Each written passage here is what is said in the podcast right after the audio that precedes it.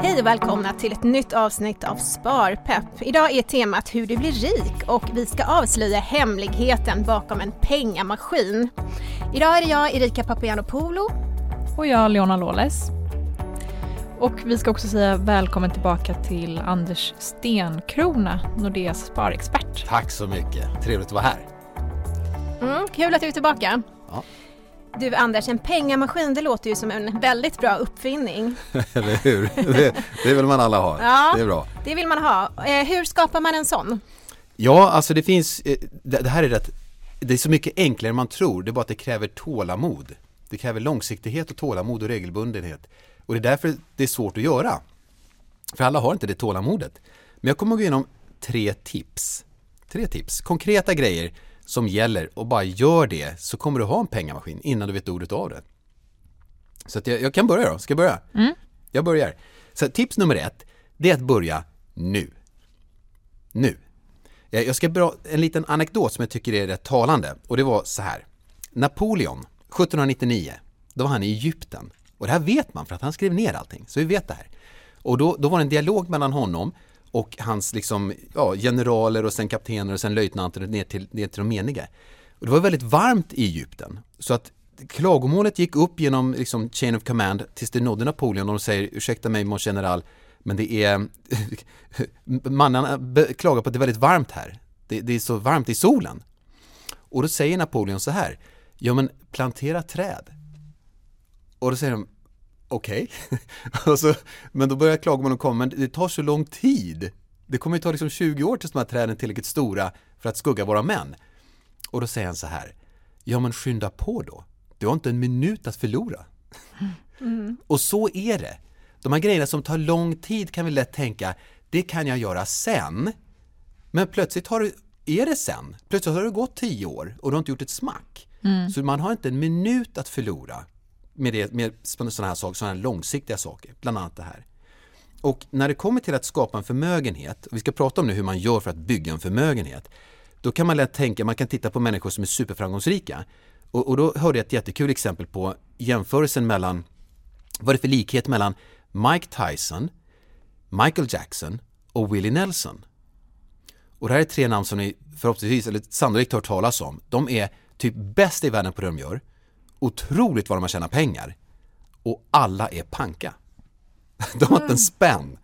Alltså nu är tyvärr Michael Jackson död men han hade ju ett, en skuld på flera hundra miljoner dollar när han vid sin dödsbo. Alltså att tjäna pengar är ingen garanti för att skapa en förmögenhet. Du måste göra något med de pengar du, du tjänar. Men att spara regelbundet är ett beprövat sätt att skapa en förmögenhet. Vi har sett det igen och igen och igen. Vi ser massor med kunder som har skapat miljonförmögenheter på regelbundet helt vanligt sparande. Men första tipset, helt klart, börja nu. Och anledningen till det är att du vill så snart som möjligt få, få det här access till ränta på ränta-effekten. Den största värdebildaren av alla. Men hur ska man göra för att komma igång då? Ja, och det är ju lättare än det någonsin har varit. För att det, man kan ju ha en sorts spärr. Att man tänker, ja, ja, jag gör det sen därför att det kommer krävas en massa energi utav mig. Då gör jag det sen när jag orkar. Men det, kan, det tar bara några minuter. Det går väldigt fort. Det är några frågor som måste ställas. Rent liksom lagligt så måste vi ställa ett par frågor vad som är lämpligast typ av sparform för dig. Man kan antingen bara spara rakt in i ett sparkonto, då kan man bara göra det utan en enda fråga. Men långsiktigt så är det bättre att ha någon typ av fondsparande eller i alla fall någonting där det som ger en avkastning. Eh, och går man in då, antingen frågar man en rådgivare, ringer, det kanske man tycker är jobbigt, då kan man gå digitalt. Gå in på vår digitala rådgivare som heter Nora. Hur lätt som helst. Ett antal frågor som, som kopplar upp vad är bäst för dig och sen rätt vad det är så är man igång. Viktigast är att komma igång. Sen kan man korrigera med eh, volymen och hur mycket man ska spara allt eftersom. Men bara att komma igång. Och det är lättare än någonsin idag. Mm. Och du snackar ju lite om ränta på ränta tänkte jag. Kan inte du förklara vad det är? Absolut. Det, det, här är, och det här är anledningen till att du har inte en minut att förlora. nu är det så att ränta på ränta-effekten innebär att om du första året tjänar några procent så ökar ju ditt sparande. Och nästa år, ja då ökar ju sparandet med ännu mer för att du har ett större belopp som du sparar. Så du får ränta på den ränta du en gång har tjänat. Det blir som en snöboll som varv efter varv blir större och större och större. Och det här vill man ju få på sin sida snabbt. Och, och det, är ju, det intressanta är då när du månadssparar, då, liksom, då går det här ännu fortare. För dels så får du ränta från marknaden eller avkastning från marknaden. Och den kan ju variera men du får i alla fall en avkastning om du har tur. I snitt får du det. Och dessutom stoppar du in pengar själv. Så du får både en ränta och du stoppar in pengar. Så alltså blir två källor till att din förmögenhet växer. Eh, om man nu ska ägna sig lite åt tankelek, då är det så att om du stoppar in tusen spänn i månaden, då, vi bara tar det som ett exempel. Tusen spänn i månaden, bong, bong, bong, bong, bong. Och så får du en sorts genomsnittlig avkastning i marknaden som man kan säga 7% är en ganska okej okay bedömning på en genomsnittlig årsavkastning på marknaden. 7% om året och stoppa in 1000 i månaden. Dun, dun, dun, dun, dun. Då kan man eh, avskräckas lite att det tar sån tid tills någonting händer. Men när det väl händer, då tar det fart. Ungefär efter 10 år, och det här är anledningen till att så få klarar av det här. Efter ungefär 10 år, då är månadsavkastningen, det du får från marknaden, lika stor som pengarna du stoppar in. Så att när du stoppar in 1000 så stoppar marknaden också in 1000. Så mm. sparandet ökar med 2000. Och 5-6 år efter det, då är månadsavkastningen dubbelt så stort som det du stoppar in. Du stoppar in 1000 och månaden ger en avkastning på 2000. Så ditt sparande ökar med 3000 spänn i månaden. Det är det här som är hemligheten bakom en pengamaskin. Det här är hemligheten! yes. Alltså det som är värt något i längden, det tar i regel tid att åstadkomma och kräver att man har tålamod och, och konsekvens. Mm. Men då, och vi har sett det här i så många exempel hos våra kunder, de som har långsiktigheten, de är vinnarna. Mm. Där är vinnarna. De får den långsiktiga trenden och plötsligt så har du liksom mångdubblat. Månadsavkastningen är mångdubbelt det du själv stoppar in. Då har vi en pengamaskin. Ja, och du brukar ju säga också att den som förstår ränta tjänar ränta. Men den som inte förstår ränta betalar ränta. exakt, exakt så. Så att om du förstår ränta och har lite långsiktighet i kroppen, då är du den som tjänar ränta. Och det, det, är annars så blir du den som gör andra människor rika. Det är liksom om man ständigt tar lån, och då gör du ju andra människor rika. Och det tycker de andra är kul naturligtvis. Men det är ju du som ska tjäna räntan. Lån är inget fel i sig. Så länge du får en avkastning som är större än vad lånet kostar, då är lån bra. Eller om du bedömer att ett huslån är bra därför att då kan jag bo i mitt hus. Men att, att konstant försöka för, eh, ja, konsumera på lån, då gör du ju bara andra människor rika. Och de som du gör rika, de har långsiktighet. De vet, håller jag på så här i tio år, då har en enorm förmögenhet. Och det är den man, kortsiktigheten gör att man kan glömma det där. Mm. Mm. Så man ska ha en bra plan och eh, tänka långsiktigt. Mm. Ja, ska vi eh, gå in på tips nummer två då? Tips nummer två, alltså om tips nummer ett är börja nu, tips nummer två är spara regelbundet. Det är nummer två. Mm. Och hur gör man då för att få till ett regelbundet sparande? Ja, just det. Alltså, I de här, antingen om du ringer en rådgivare eller börjar med eh, vår digitala rådgivare så kommer det föreslå för dig att göra det på månadsbasis. Månadsbasis är alldeles utmärkt. Det kommer i samband med lönen och så har du som en sorts regel att stoppa undan så här mycket varje månad så att, så att det sker. Och det finns ju en, en stor vits med det här och anledningen till att jag verkligen förespråkar regelbundenhet det är för att eh, annars kanske man frestas till att spara enligt någon sorts timing. Att man tycker att ja men nu är det nog bra att gå in, eller oj nu var det läskigt, nu går jag ur.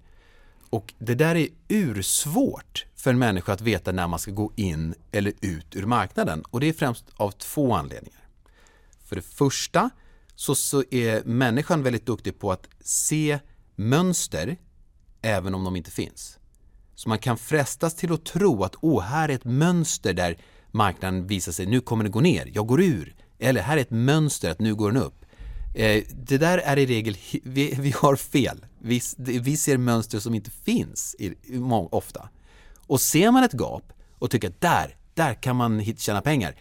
Ja, tänk dig då att du är inte den enda som ser det gapet. Det, du, det finns tiotusentals eller hundratusentals människor som ser exakt det du ser och är helt beredda på att agera. Så att, att marknaden skulle ha någon sorts förutsägbarhet i sig, det är sedan länge bevisat, det har den inte. Så det första anledningen till att det är svårt att tajma, det är att vi ser mönster som inte finns. Den andra är att vi är helt emotionella. Alltså vi, vi, vi agerar oftast i affekt. Så att när marknaden är jättehappy och det bara går upp, upp, upp så tänker vi ja, jag gör också det. Och så dubblar man och, och investerar väldigt mycket. Och det brukar kanske vara på toppen när det precis kraschar. Innan det kraschar så är marknaden generellt väldigt, väldigt glad och det känns som att det bara kan gå upp. Och då börjar det gå ner och så börjar vi få panik kanske och kanske till och med bara till slut kapitulera sig. Äh, det kan bara gå ner. och någonstans där längs med botten så går man ur helt i panik och depression. Eh, och så vänder det. Mm. Så att, att, att vi är känslostyrda gör att det är nästan, det är mänskligt omöjligt att köpa på botten när alla skriker att nu är det slut. Eller att sälja på toppen när alla skriker det här är det bästa som finns. Mm. Det är så svårt att gå emot strömmen. Så att det är lika bra att man säger spara regelbundet istället. Så är du med på den långsiktiga trenden. Det är den du siktar på. Mm. Det har ju verkligen varit tydligt exempel på det nu de senaste månaderna. Ja, men tänk bara hur du själv reagerade. Var du en sån som till slut fick panik och gick ur? Ja, när ska du gå in sen då? Mm. När vågar du gå in? Och, och, nu har det gått upp en visst antal procent så säger man jo men jag köper vid nästa dipp. Ja, när blir den då? Mm. Och kommer du våga då? För att när det väl kommer nästa dipp då skriker hela marknaden nu är det kört. Vågar du gå in då? Det var det som gjorde att du gick ur.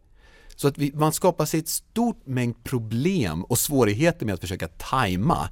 Det är betydligt enklare och det har visat sig också. De som det har gått bäst för, de gör en regelbunden insättning varje månad för då är de med i den långsiktiga uppåtgående trenden och sabbar liksom inte för sig själva. Nej.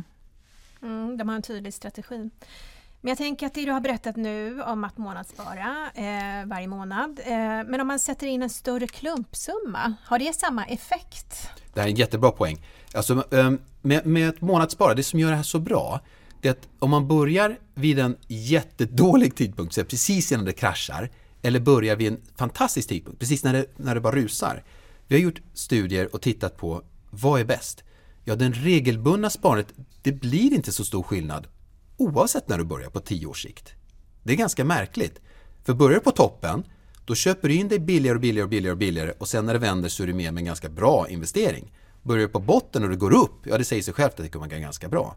Men i båda fall, så om du börjar på sämsta tillfället eller bästa tillfället, om du månadssparar, så går det ungefär lika bra. Och då kommer frågan, men om jag har en stor klumpsumma att investera då? Ska jag liksom varva in den långsamt, just som, med samma princip?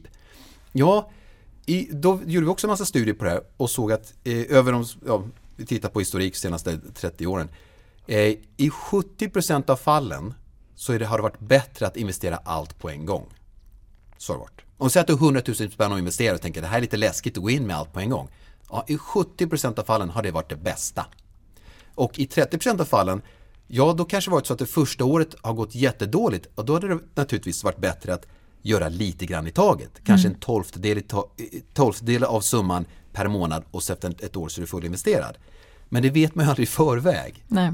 Så att man kan ju varva in det långsamt lite i taget för att det kanske känns bättre. Men man kan veta att man har statistiken på sin sida om man investerar allt på en gång. Så det, det är det enkla svaret. Eller jag vet inte om det var ett enkelt svar, men det är, det är svaret. Mm. Men eh, aktiemarknaden, är det slumpmässiga rörelser eller skulle man kunna säga att det är förutsägbara mönster där? Jättebra fråga, för att jag vet att många tittar på en aktiemarknad och, och kan särskilt i efterhand tycka sig se mönster. Och det gör man, för vi är så duktiga på att se mönster. Vi kan se mönster i en helt slumpmässig rörelse. Vi kan det. Det svåra är att förstå vad det är för mönster som, eh, som händer precis just nu. Det är nästan omöjligt. Är det topp 5 på en Elliott Wave Theory eller är det slutet på en Head and Shoulders? Var är vi? Mm. Och det vet vi först liksom efter det har hänt. Och det, jag, jag har gjort massor med studier på det här, läst mängder. Det, är, det bästa sättet att uttrycka det är så här. Marknaden är tillräckligt effektiv. Det vill säga att den är oerhört svår att förutsäga utifrån mönsterläsande.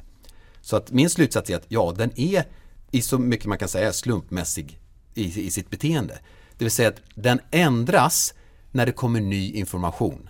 Det är då den ändras. Och ny information är per definition ny. Det vill säga mm. vi vet inte om den. Och därför blir det slumpmässiga förrörelser.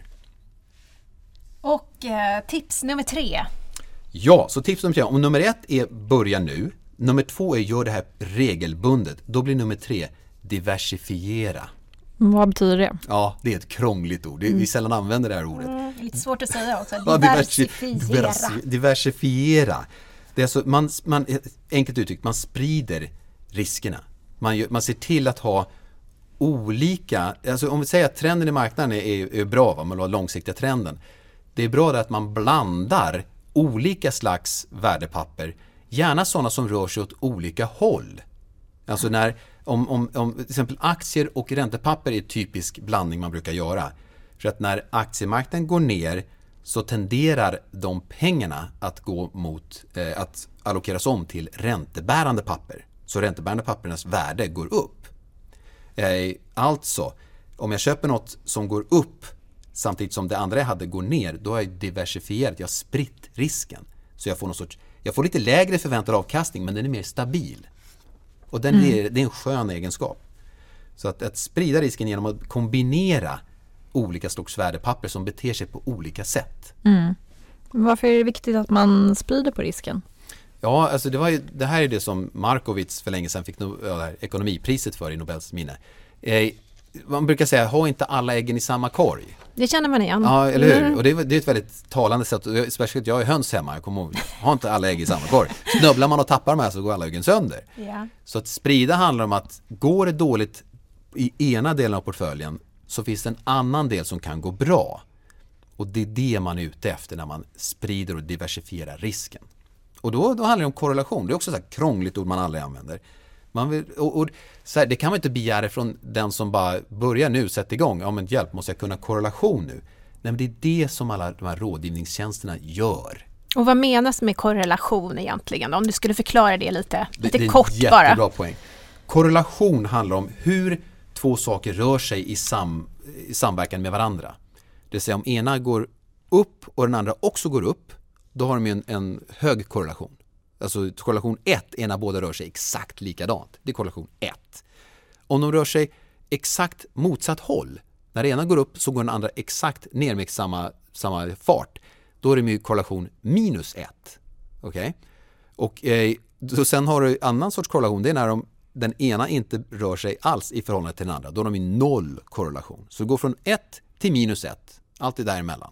Och man söker ju, egenskaperna man söker hos de här värdepapperna, det är att de har låg korrelation. Så att, ja, du förlorar inte pengar samtidigt på alla dina värdepapper. Du vill ha sånt som rör sig åt olika håll. Så risk, avkastning och korrelation.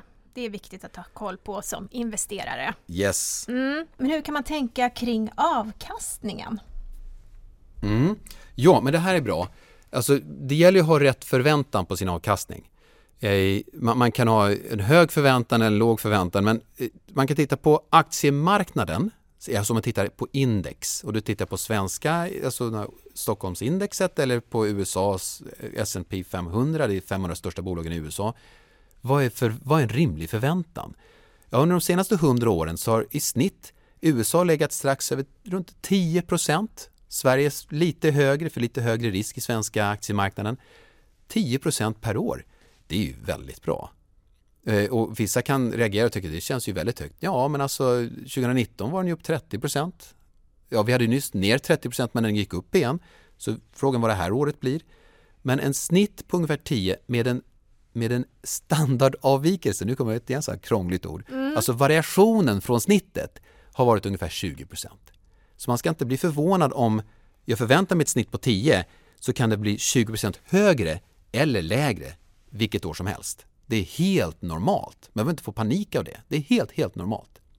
Eh, Warren Buffett har som en sorts enkel minnesregel och det här kan ju, om vi ska komma ihåg någonting vad är förväntad avkastning, ha det här som en enkel minnesregel. Han tänker 7% och det gör han helt enkelt så här. BNP-tillväxt 3% Det är ganska normal förväntan. Inflation 2% Det är i alla fall Riksbankernas mål. Och utdelning av, på aktier 2 så 3 plus 2 plus 2. 7% är en ganska rimlig förväntan från aktiemarknaden. Har man det långsiktigt, då behöver man inte få panik när det går upp och ner. Man känner bara att jag ska ha en snitt på 7. Och då brukar det, det är ungefär vad det brukar bli. Mm. Och vi kan säga att Warren Buffett är en väldigt känd amerikansk investerare. Bra poäng. Det är Och, kanske inte är ett skrivit- hushållsnamn till alla, men han är en av världens mest kända investerare. Väldigt framgångsrik. Har skrivit många böcker också. Mm. Ska vi eh, avsluta med några frågor som har kommit in? Ja, men det låter väl bra. Mm. Mm. Ehm, hur ser du på marknaden framöver? Kommer det fortsätta svänga eller har det stabiliserat sig nu? Det vill säga, ska man vänta ett tag till innan man går in? Ja, eller hur? Tusen, 10 000 kronors frågan. Ska man vänta eller ska man gå in? Alltså jag tänker alltid långsiktigt. Jag, jag struntar i de här kortsiktiga trenderna för att jag, det är för svårt. Av det jag sa innan. Jag ser mönster som inte existerar eller jag är känslomässigt involverad. Så jag tänker långsiktigt och då vet jag att i 75% av fallen så kommer det närmaste året gå upp. Så, så har det varit historiskt och det, jag på något sätt räknar med att den trenden kommer hålla i sig. I 25% av fallen kommer, alltså en fjärdedel, ett på fyra, så kommer marknaden gå ner. Tre av fyra fall så kommer marknaden gå upp. Jag går in. Jag bara går in. Jag behöver inte tänka timing. Eh, och sen så vet jag att det kommer svänga i marknaden, det kommer gå upp och ner. Men på fem års sikt, eftersom vi talar om det långa spelet, det är där vinnarna, vinsten sitter, så kommer i nio fall av tio på fem års sikt så kommer jag ha gått upp i, i värde. Och har jag det i åtanke, då blir jag inte lika panikslagen av kommer det gå upp eller ner nu. För att exakt hur det går när jag börjar är inte lika viktigt som att jag håller i det här under lång tid. Det är där vinnarna sitter. Så ja, kommer det gå upp eller ner eller ska jag gå in? Jag säger bara gå, gå in. Mm. Börja nu. Ja, du jag gör det. Jag gör det Mm. Nästa fråga då. Jag sålde i mars efter halva marknadsnedgången. Hur ska jag göra nu för att våga investera igen? verkligen intressant. Alltså att gå ur marknaden, det kräver ju sån, alltså det är svårt att fatta ett finansiellt beslut för det första. För man tänker att tänk om det blir fel. Så någonstans så har emotionellt blivit att ja, det här gör så ont att vara kvar så jag måste ur. Okej? Så att eh, ja, det krävs starka känslor för att få oss att agera. Och då blir frågan, för att återinvestera, ja då krävs det ju lika starka känslor igen. Det vill säga det måste gå upp så pass övertygande. Du måste vara så pass övertygad att det går upp att du vågar gå in. Och då är i regel uppgången förbi. Förstår ni? Det, det, det, det, är där- det här som gör det så svårt att Så tajma. Mycket, ja, så mycket psykologi också Det, inblandat. vi är ju känslostyrda trots allt. Det, är- det är svårt att komma ur det där. Det det är så att bara blunda för hela marknaden som skriker att nu kommer det gå ner och bara hjälp jag måste ur. Och sen så vågar man inte se in igen förrän i princip det är bekräftat. Nu har det gått upp. Och då har man ju missat allting. Så det är därför igen, alltså jag tar ju stöd av hur marknaden har betett sig. Det finns aldrig några garantier, det vet vi. Det kan röra sig helt sporadiskt. Kommer en ny nyhet så ändras marknaden. Tänk om det kommer en ny nyhet idag som säger att ja, nu blev alla sjuka igen för det var protestrallys här och där. Och så kraschar marknaden. Det vet vi ju inte. Man kan bara sitta och gissa. Så att jag tar stöd av att marknaden har långsiktigt rört sig ungefär 10% per år. Jag har en förväntan på 7% per år och vet att det här kommer variera rätt kraftigt från år till år. Men att jag håller den långsiktiga trenden i huvudet. Och bara säger, det spelar ingen roll hur det går på kort sikt. Jag siktar 10 år bort. Där är jag. Och jag förväntar mig att det kommer vara ungefär samma som skett de senaste 100 åren. Och, och, visst kan man ha domedagsprofetier i huvudet och tänka att ja, men det kan vara kört. Ja, men då har vi andra problem. Men givet det vi vet idag så är det en, en god strategi. att Annars, om man ska säga våga gå in och ut, då måste känslorna vara så pass starka att i regel så har redan det, det man är rädd för redan har skett. Mm. Och vi kan ju säga att vi spelar in det här fredag 12 juni, Ja, good to know. får vi lite perspektiv. eh, ska vi ta den tredje och sista frågan då? Eh, jag planerar att sätta upp ett sparande till mina barn. Ska man tänka månadssparande här? Ja, utmärkt. Eh, har du en stor klumpsumma att investera åt dina barn eh, så är det fantastiskt. Men i regel, jag, vet, jag är ju själv småbarnsförälder, det, det har man inte. Man lever på, liksom, man lever på sista spagettistrået. Man gör allt man kan. Men i den mån som du kan spara på månadsbasis åt dina barn eller ditt barn så gör de en enorm tjänst. För att du tänker att de ska vara hemma hos dig sannolikt de närmaste 18 åren alltså om de är under nyföding. Sannolikt upp tills de är 18-20 någonstans där. Förhoppningsvis inte så mycket längre. Nej. Nej. Men har du, gör du det här och sparar åt dina barn på regelbunden månadsbasis, det kommer hjälpa dem med en enorm start i livet. Det, jag vet flera vänner vars barn har lyckats köpa sin första lägenhet tack vare det här att, att eh, föräldrarna har stoppat undan pengar åt dem. Det blir lättare att flytta hemifrån. Mm. Ja, men precis. vill hjälpa dem på den traven. Ja. Så absolut Ja. månadssparande. Eh, jag har också barn, de är 8 och 10 nu, men det som jag tycker är så skönt med månadssparande det är ju det här att det rullar på automatiskt. Eh, och jag behöver inte tänka så mycket på det utan det dras varje gång liksom. I slutet på varje månad när jag får lön så dras det liksom till ett sparande. Och det här är världsbäst för du har lärt dig leva utan de pengarna. Precis, exakt. Och det är så det är, vi, vi vänjer oss väldigt fort. Så att om man sparar, vad nu är, någon, någon tusenlapp eller två och så plötsligt säger man, vet du vad, jag borde nog öka det här. Och så Mm. ökar man det lite grann. Det tar inte mer än någon månad förrän man har lärt sig leva med det med. exakt. Och så plötsligt har man en helt annan bas Mm. för de här barnen som ska på något sätt ta sig ut i världen. Så här får du. Det är Mm. Ja, en men enorm precis. fördel. Och det är väldigt smart för man har mycket annat att tänka på som förälder. Ja, egentligen. Nej, man kan inte sitta och fatta ett beslut varje månad. Det är Nej. helt omöjligt. Det, det, man har inte tid med det. Jag ska köpa mjölk. Exakt. Så att, eh, att regelbundet som man inte behöver tänka på Ja. är, är ett absolut att föredra. Mm. Det låter bra. Ja, det börjar bli dags att runda av. Mm. Mm. Ehm, tack Anders för att du gästar Sparpepp. Tack för att få Och komma. Tack för att ni har lyssnat idag. Ja, vi är tillbaka om eh, två veckor igen. Eh, och då kommer vi ha med oss några medarbetare från Nordeas kundservice som ska svara på lite frågor och berätta lite grann hur man kan tänka kring sitt sparande och sin privatekonomi här under sommaren. Så det blir intressant. Mm. Ehm, ja, Och som vanligt så finns mer info på nordea.se och hör gärna av er med eh, tips på teman och gäster till sparpepp.nordea.se. då säger vi tack så jättemycket och eh, ha det fint. Tack så mycket. Ha det bra. Hej.